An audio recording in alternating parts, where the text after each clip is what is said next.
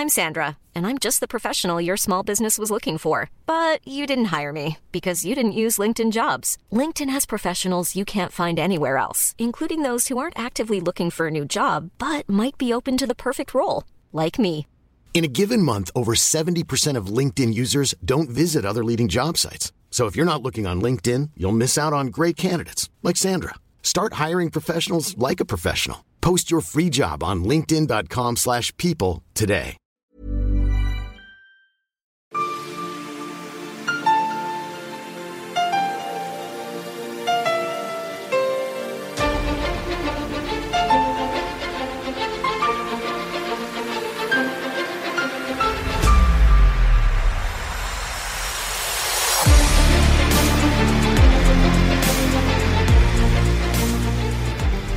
Du lyssnar på Militärsnack, podcasten där militära saker blir lätta att fatta.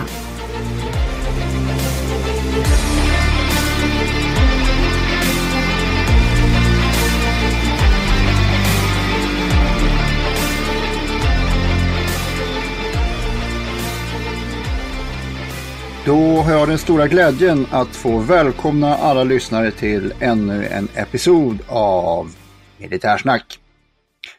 Den här gången ska vi prata om eh, lite flytande saker. Vi ska prata om flottan. Och jag som pratar heter Henning Svedberg och bredvid mig på mick har jag... Här sitter löjtnant Andersson. Hörru vad härligt bra du låter. Ja, jag har lite, haft lite problem med halsen. Nej vars, utan vi har ju, vi har ju köpt en mick. Vi har köpt en mick. Vi har fått Patreons som har varit med och stött oss. Så vi har kunnat köpa bättre grejer. Jajamensan.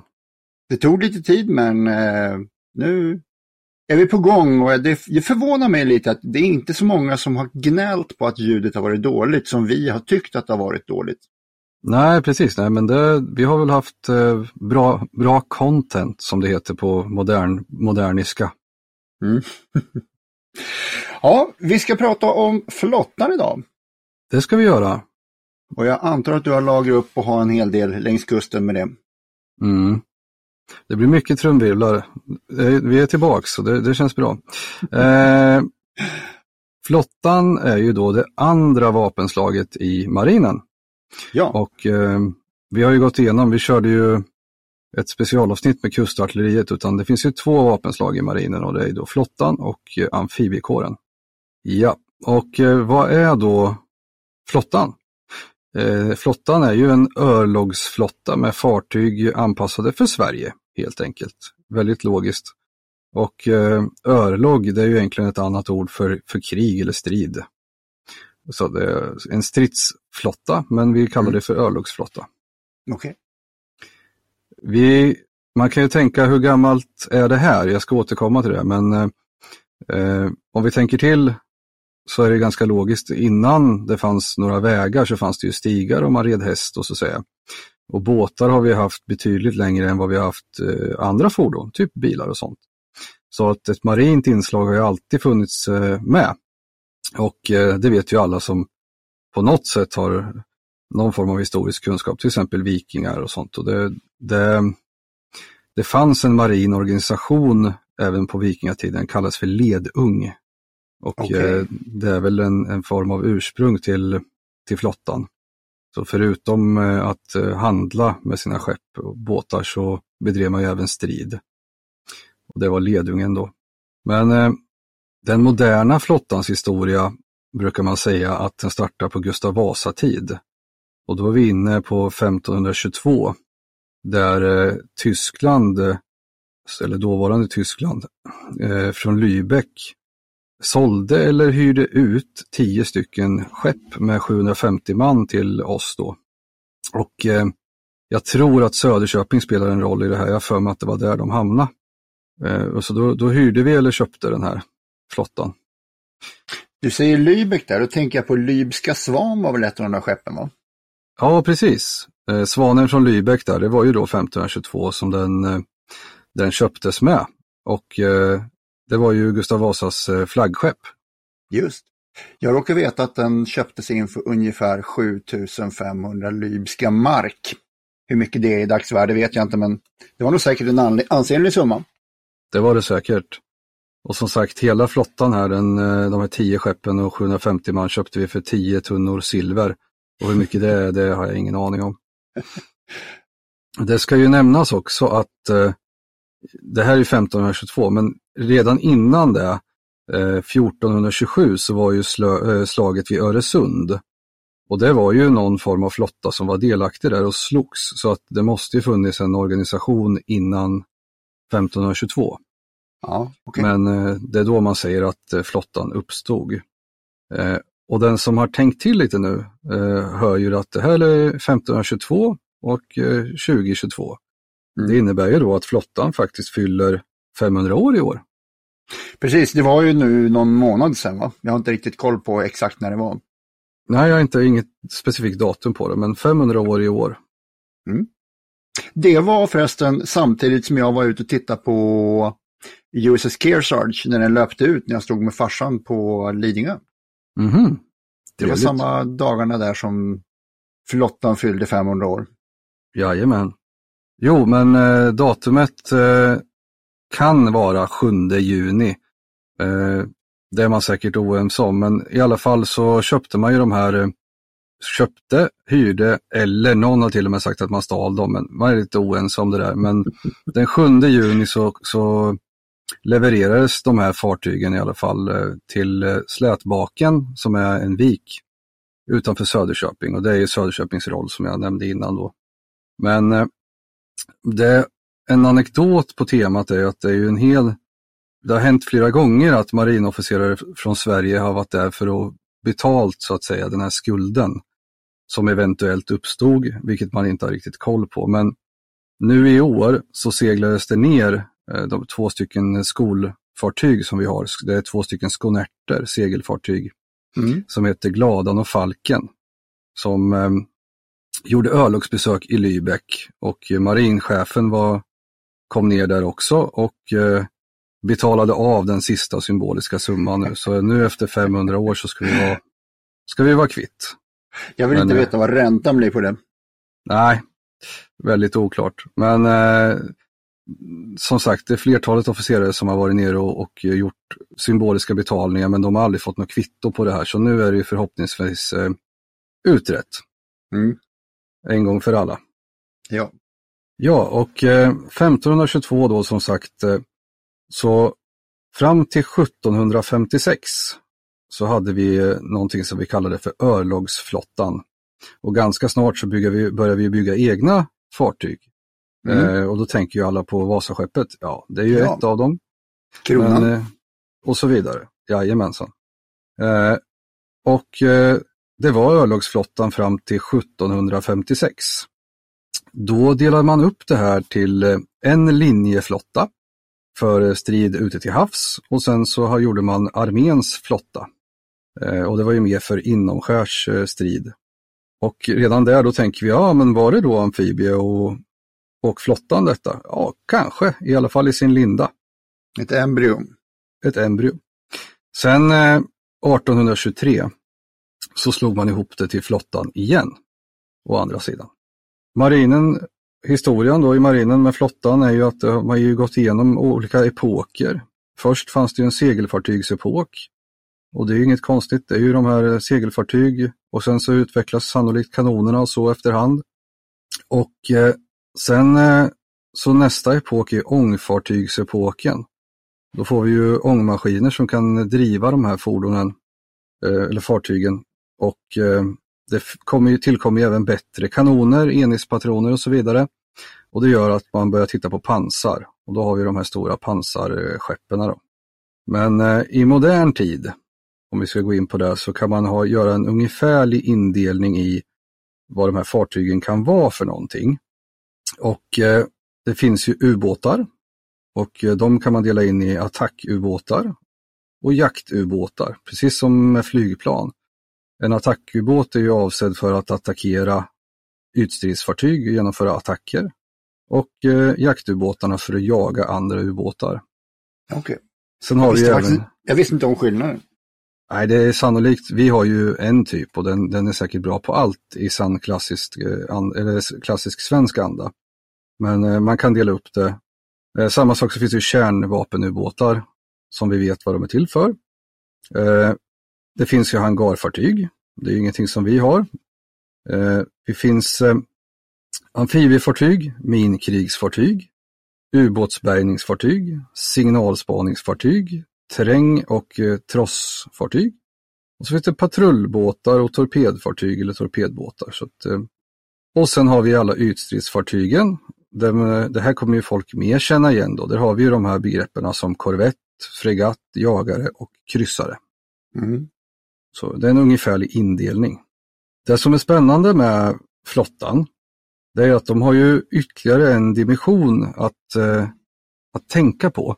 Vi brukar ibland prata om tredimensionell strid när vi pratar eh, markstrid.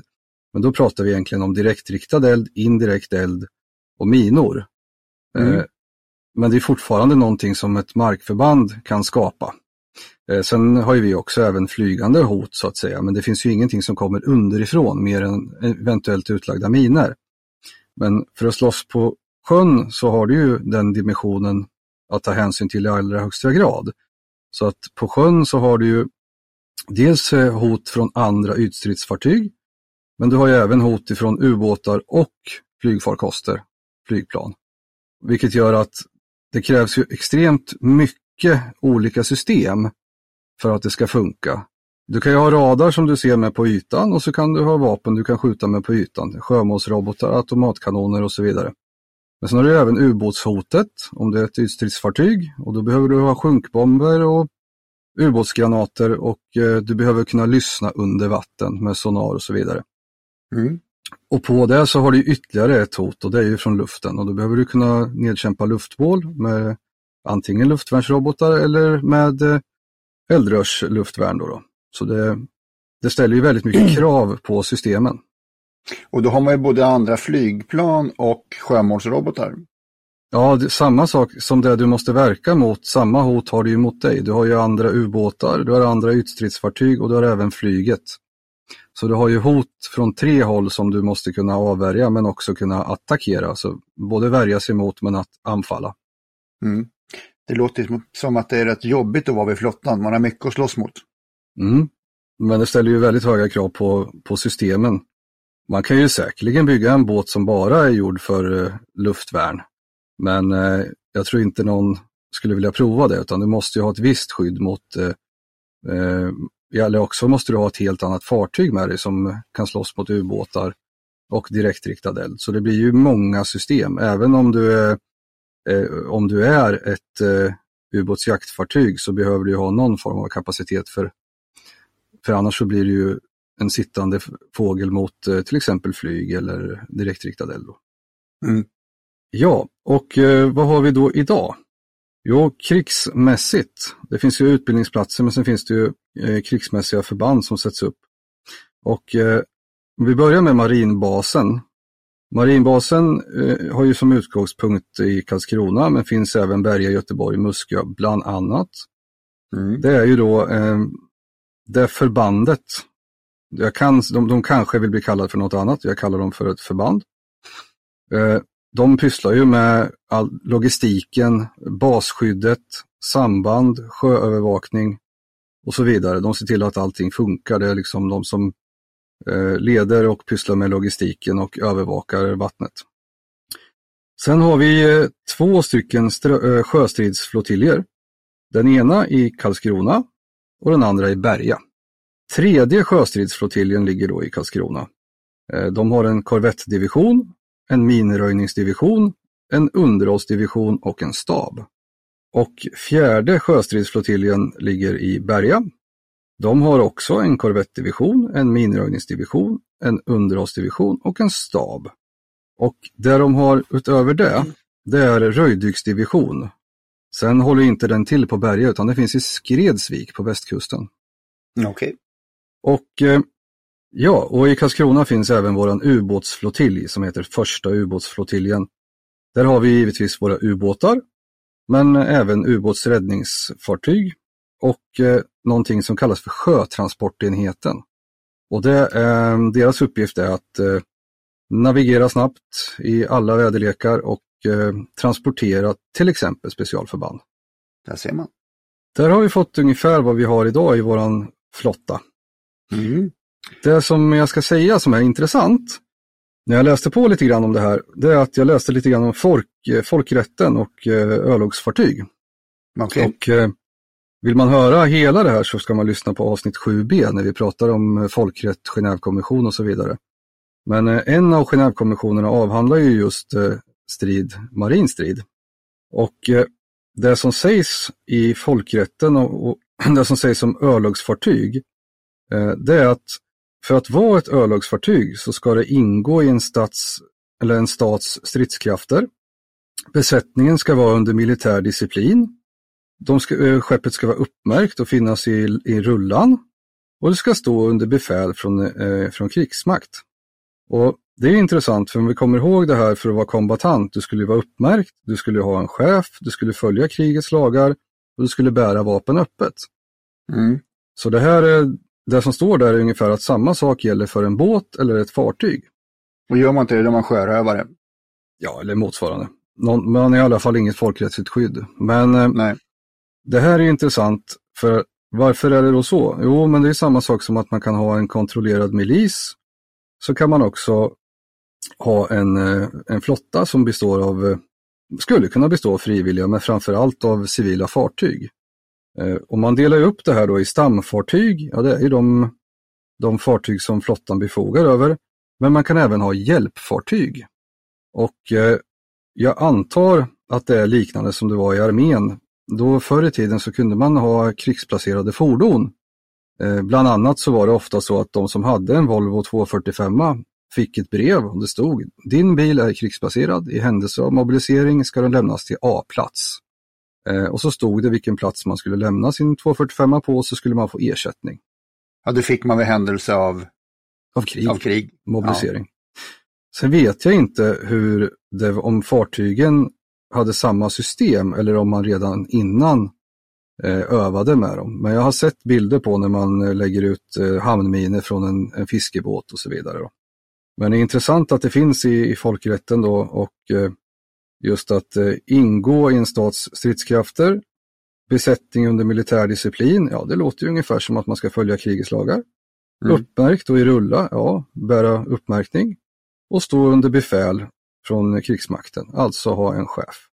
Så att eh, även en båt, och eh, då gäller ju besättningen på den, får ju då det här skyddet som kombatanter. Mm. Hey, I'm Ryan Reynolds. Recently, I asked Mint Mobile's legal team if big wireless companies are allowed to raise prices due to inflation. They said yes. And then when I asked if raising prices technically violates those onerous two year contracts, they said, What the f are you talking about, you insane Hollywood ass? F- So to recap, we're cutting the price of Mint Unlimited from $30 a month to just $15 a month. Give it a try at mintmobile.com slash switch. $45 upfront for three months plus taxes and fees. Promo for new customers for limited time. Unlimited more than 40 gigabytes per month. Slows. Full terms at mintmobile.com. Millions of people have lost weight with personalized plans from Noom, like Evan, who can't stand salads and still lost 50 pounds. Salads, generally, for most people, are the easy button, right? For me, that wasn't an option. I never really was a salad guy. That's just not who I am. But Noom worked for me. Get your personalized plan today at Noom.com. Real Noom user compensated to provide their story. In four weeks, the typical Noom user can expect to lose one to two pounds per week. Individual results may vary. För det ska vi också komma ihåg eh, från avsnitt 7b att eh, civil besättning på ett eh, krigsfartyg eller ett örlogsfartyg kan ju också, de blir ju också då kombatanter om de ingår i besättningen. Just. Jajamän, där tror jag vi har fått en, en liten genomgång på flottan som är det Ja. andra vapenslaget i marinen utöver amfibiekåren. Just. Eh, flottan är ju då i huvudsak, alltså vi har inget anfallande utan vi, vi har ett försvar. Mm. Och armén försvarar ju fosterlandet och då försvarar ju flottan fostervattnet. Mm. Du sliter på den här trumvirvelsknappen. Jag får lov att erkänna att det, var, det där var lite roligt faktiskt. Och på tal om roligt, Ja, vad, sku, vad skulle du använda flottan eller delar av flottan till om du fick göra vad du ville? ja, jag skulle välja, nu går vi lite historiskt här och givetvis kommer vi hamna i andra världskriget. Mm. Och När det tyska slagskeppet Bismarck löpte ut så jagades det av en brittisk större flotta som kallades Styrka H med en hel radda kryssare och slagskepp och grejer. Jag tror att det var, om jag inte minns fel här nu, så var det det största, kraftigaste flott, eh, flotta som har samlats i modern tid vid tillfället då. Mhm. Som skulle jaga efter Bismarck. Och de ska skjuta på samlad eld bredsidor på fenomenet att fjärrkontroller till eh, våra gamlingars tv-apparater måste vara så jäkla krångliga. Jag vill ha en av och på, höj och sänk och byt kanal och inget mer. Mm. Fullt rimligt. Ja, alltså det blir ju så jäkla bökigt för en om man har äldre som, eh, ja, du vet precis vad jag pratar om. Mm. Det fanns väl, det finns ju någon gammal 90-talsklassiker där när man eh, kunde köpa universaldosa. Eh, Mm. Men det här var ju helt vansinnigt. Den skulle ju styra både VHSen och TVn och DVD om man nu hade det. Men det funkar ju aldrig. Det var ju 60 000 knappar. Ja. Helt värdelöst. Men det kan inte vara så svårt att skapa en sån. Nej, man tycker inte det. Det kommer säkert. Ja, Själv då, vad skulle, skulle du skjuta på? ja eh, jag gillar ju att fiska kräftor. Eh, men jag har inget kräftvatten. Så någon kan väl bjuda mig på kräftfiske. Jag har burar och båt och allting. Men, ja, men jag tänker mig så här, att jag ska eh, tjuvfiska kräftor. Eh, och då, då vill jag faktiskt att sjötransportenheten ska transportera mig. Eh, de har ju extremt snabba sådana här eh, ribbåtar och dåningar. Och de kan höghastighetsnavigera även i mörker. Och då tänker jag att då kan vi fiska väldigt mycket på över väldigt stor yta. Så att eh, vi kan, eh, vi kan tjuvfiska av både öst och västkusten här på väldigt kort tid med kräftburar. Ja, jag, jag känner så här omedelbar skräckblandad, nej skräckblandad skräck känner jag inför tanken att sitta och åka på en ribbåt i de hastigheterna i mörker. Mm, då får man verkligen lita på, på den som kör. Jag höll på att säga chauffören eller föraren, men jag vet inte om, ja det heter nog båtförare i alla fall på de små båtarna. Mm. Så är det. Så är det. Du vet väl att du kan höra av dig till podden och ställa frågor, säga vad du tycker och tänker eller vad det än gäller. På militörsnack.se finns både mejladressen och länkar till samtliga sociala medier där du kan hitta podden. Har vi någonting annat? Ja, det har vi. Vi har ju dagens datum eller veckans datum. Och då Ja, just är det. så, Precis. Vi har kommit till, eh, jag har ju en eh, händelse här som ägde rum mellan 14 juli och 18 juli det år jag föddes, 1969. Och det var fotbollskriget. Det, var, Mhm. eller, det kallas också 100-timmarskriget för det var ett krig som pågick under fyra dagar, 100 timmar, i juli 1969 mellan El Salvador och Honduras. Och det här kriget det bröt ut sedan spänningen hade kulminerat efter att El Salvador hade spöat Honduras i VM-kvalet i fotboll. Därav namnet fotbollskriget. Och det här fick El Salvador eh, Jo, och den här segern då som, som, eh, som El Salvador vann gjorde att de kunde då efter en vinst mot även Haiti kunde de kva- kvala in i VM. Och som effekt av det här så fick 300 000 salvadoraner fly från Honduras och eh, de tvingas leva under oerhörd fattigdom och ja. Just det, kriget här var det första krig som El Salvadors militär hade utkämpat och de förlorade ungefär 900 soldater och civilister. Och Honduras förlorade 100 man militär och över 2000 civila. Men givetvis så ger olika källor olika nivåer på förlusterna här och på segrar och sånt. Men en rolig sak med det här är att det här var det sista kriget när det- slogs propellerplan mot propellerplan. Du vet, jag kommer alltid in på det här med flyg. mm, Och här var det, de var ju satta under embargo från USA och fick inte köpa liksom vad som helst.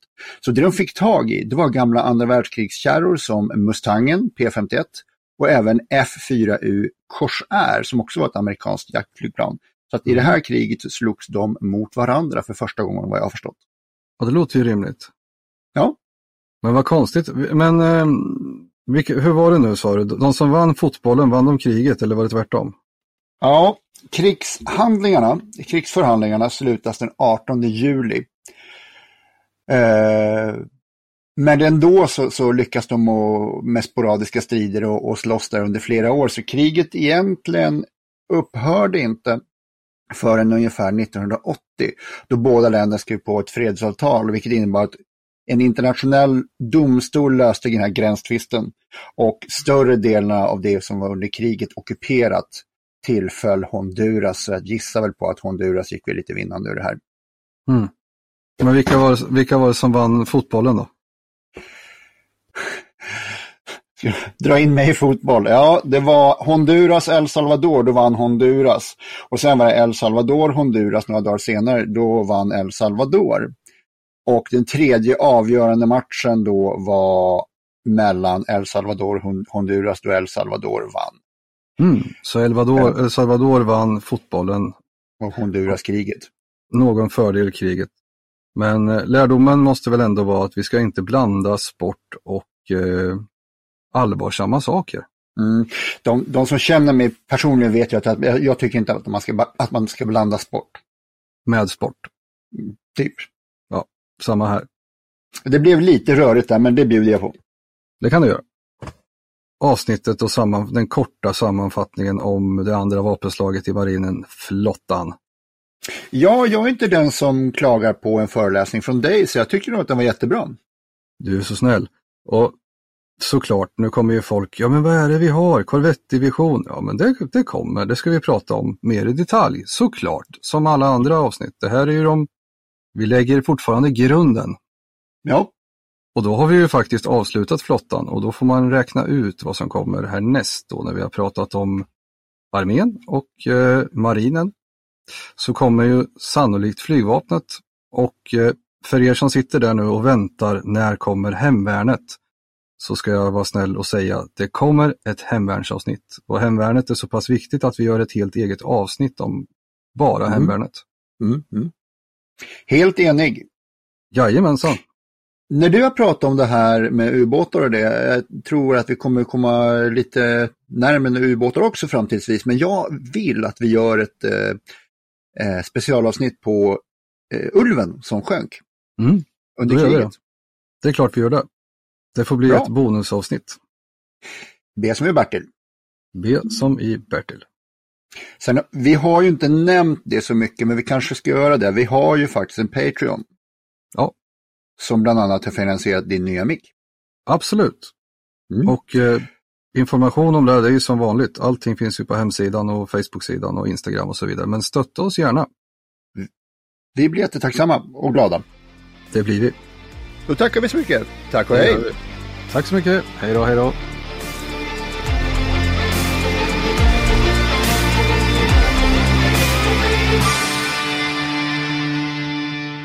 Inte att gilla, dela och gärna prata om vår podd med de vänner du tror skulle gilla den. Tack! Want flexibility? Take yoga. Want flexibility with your health insurance? Check out United Healthcare Insurance Plans. Underwritten by Golden Rule Insurance Company, they offer flexible, budget friendly medical, dental, and vision coverage that may be right for you. More at uh1.com.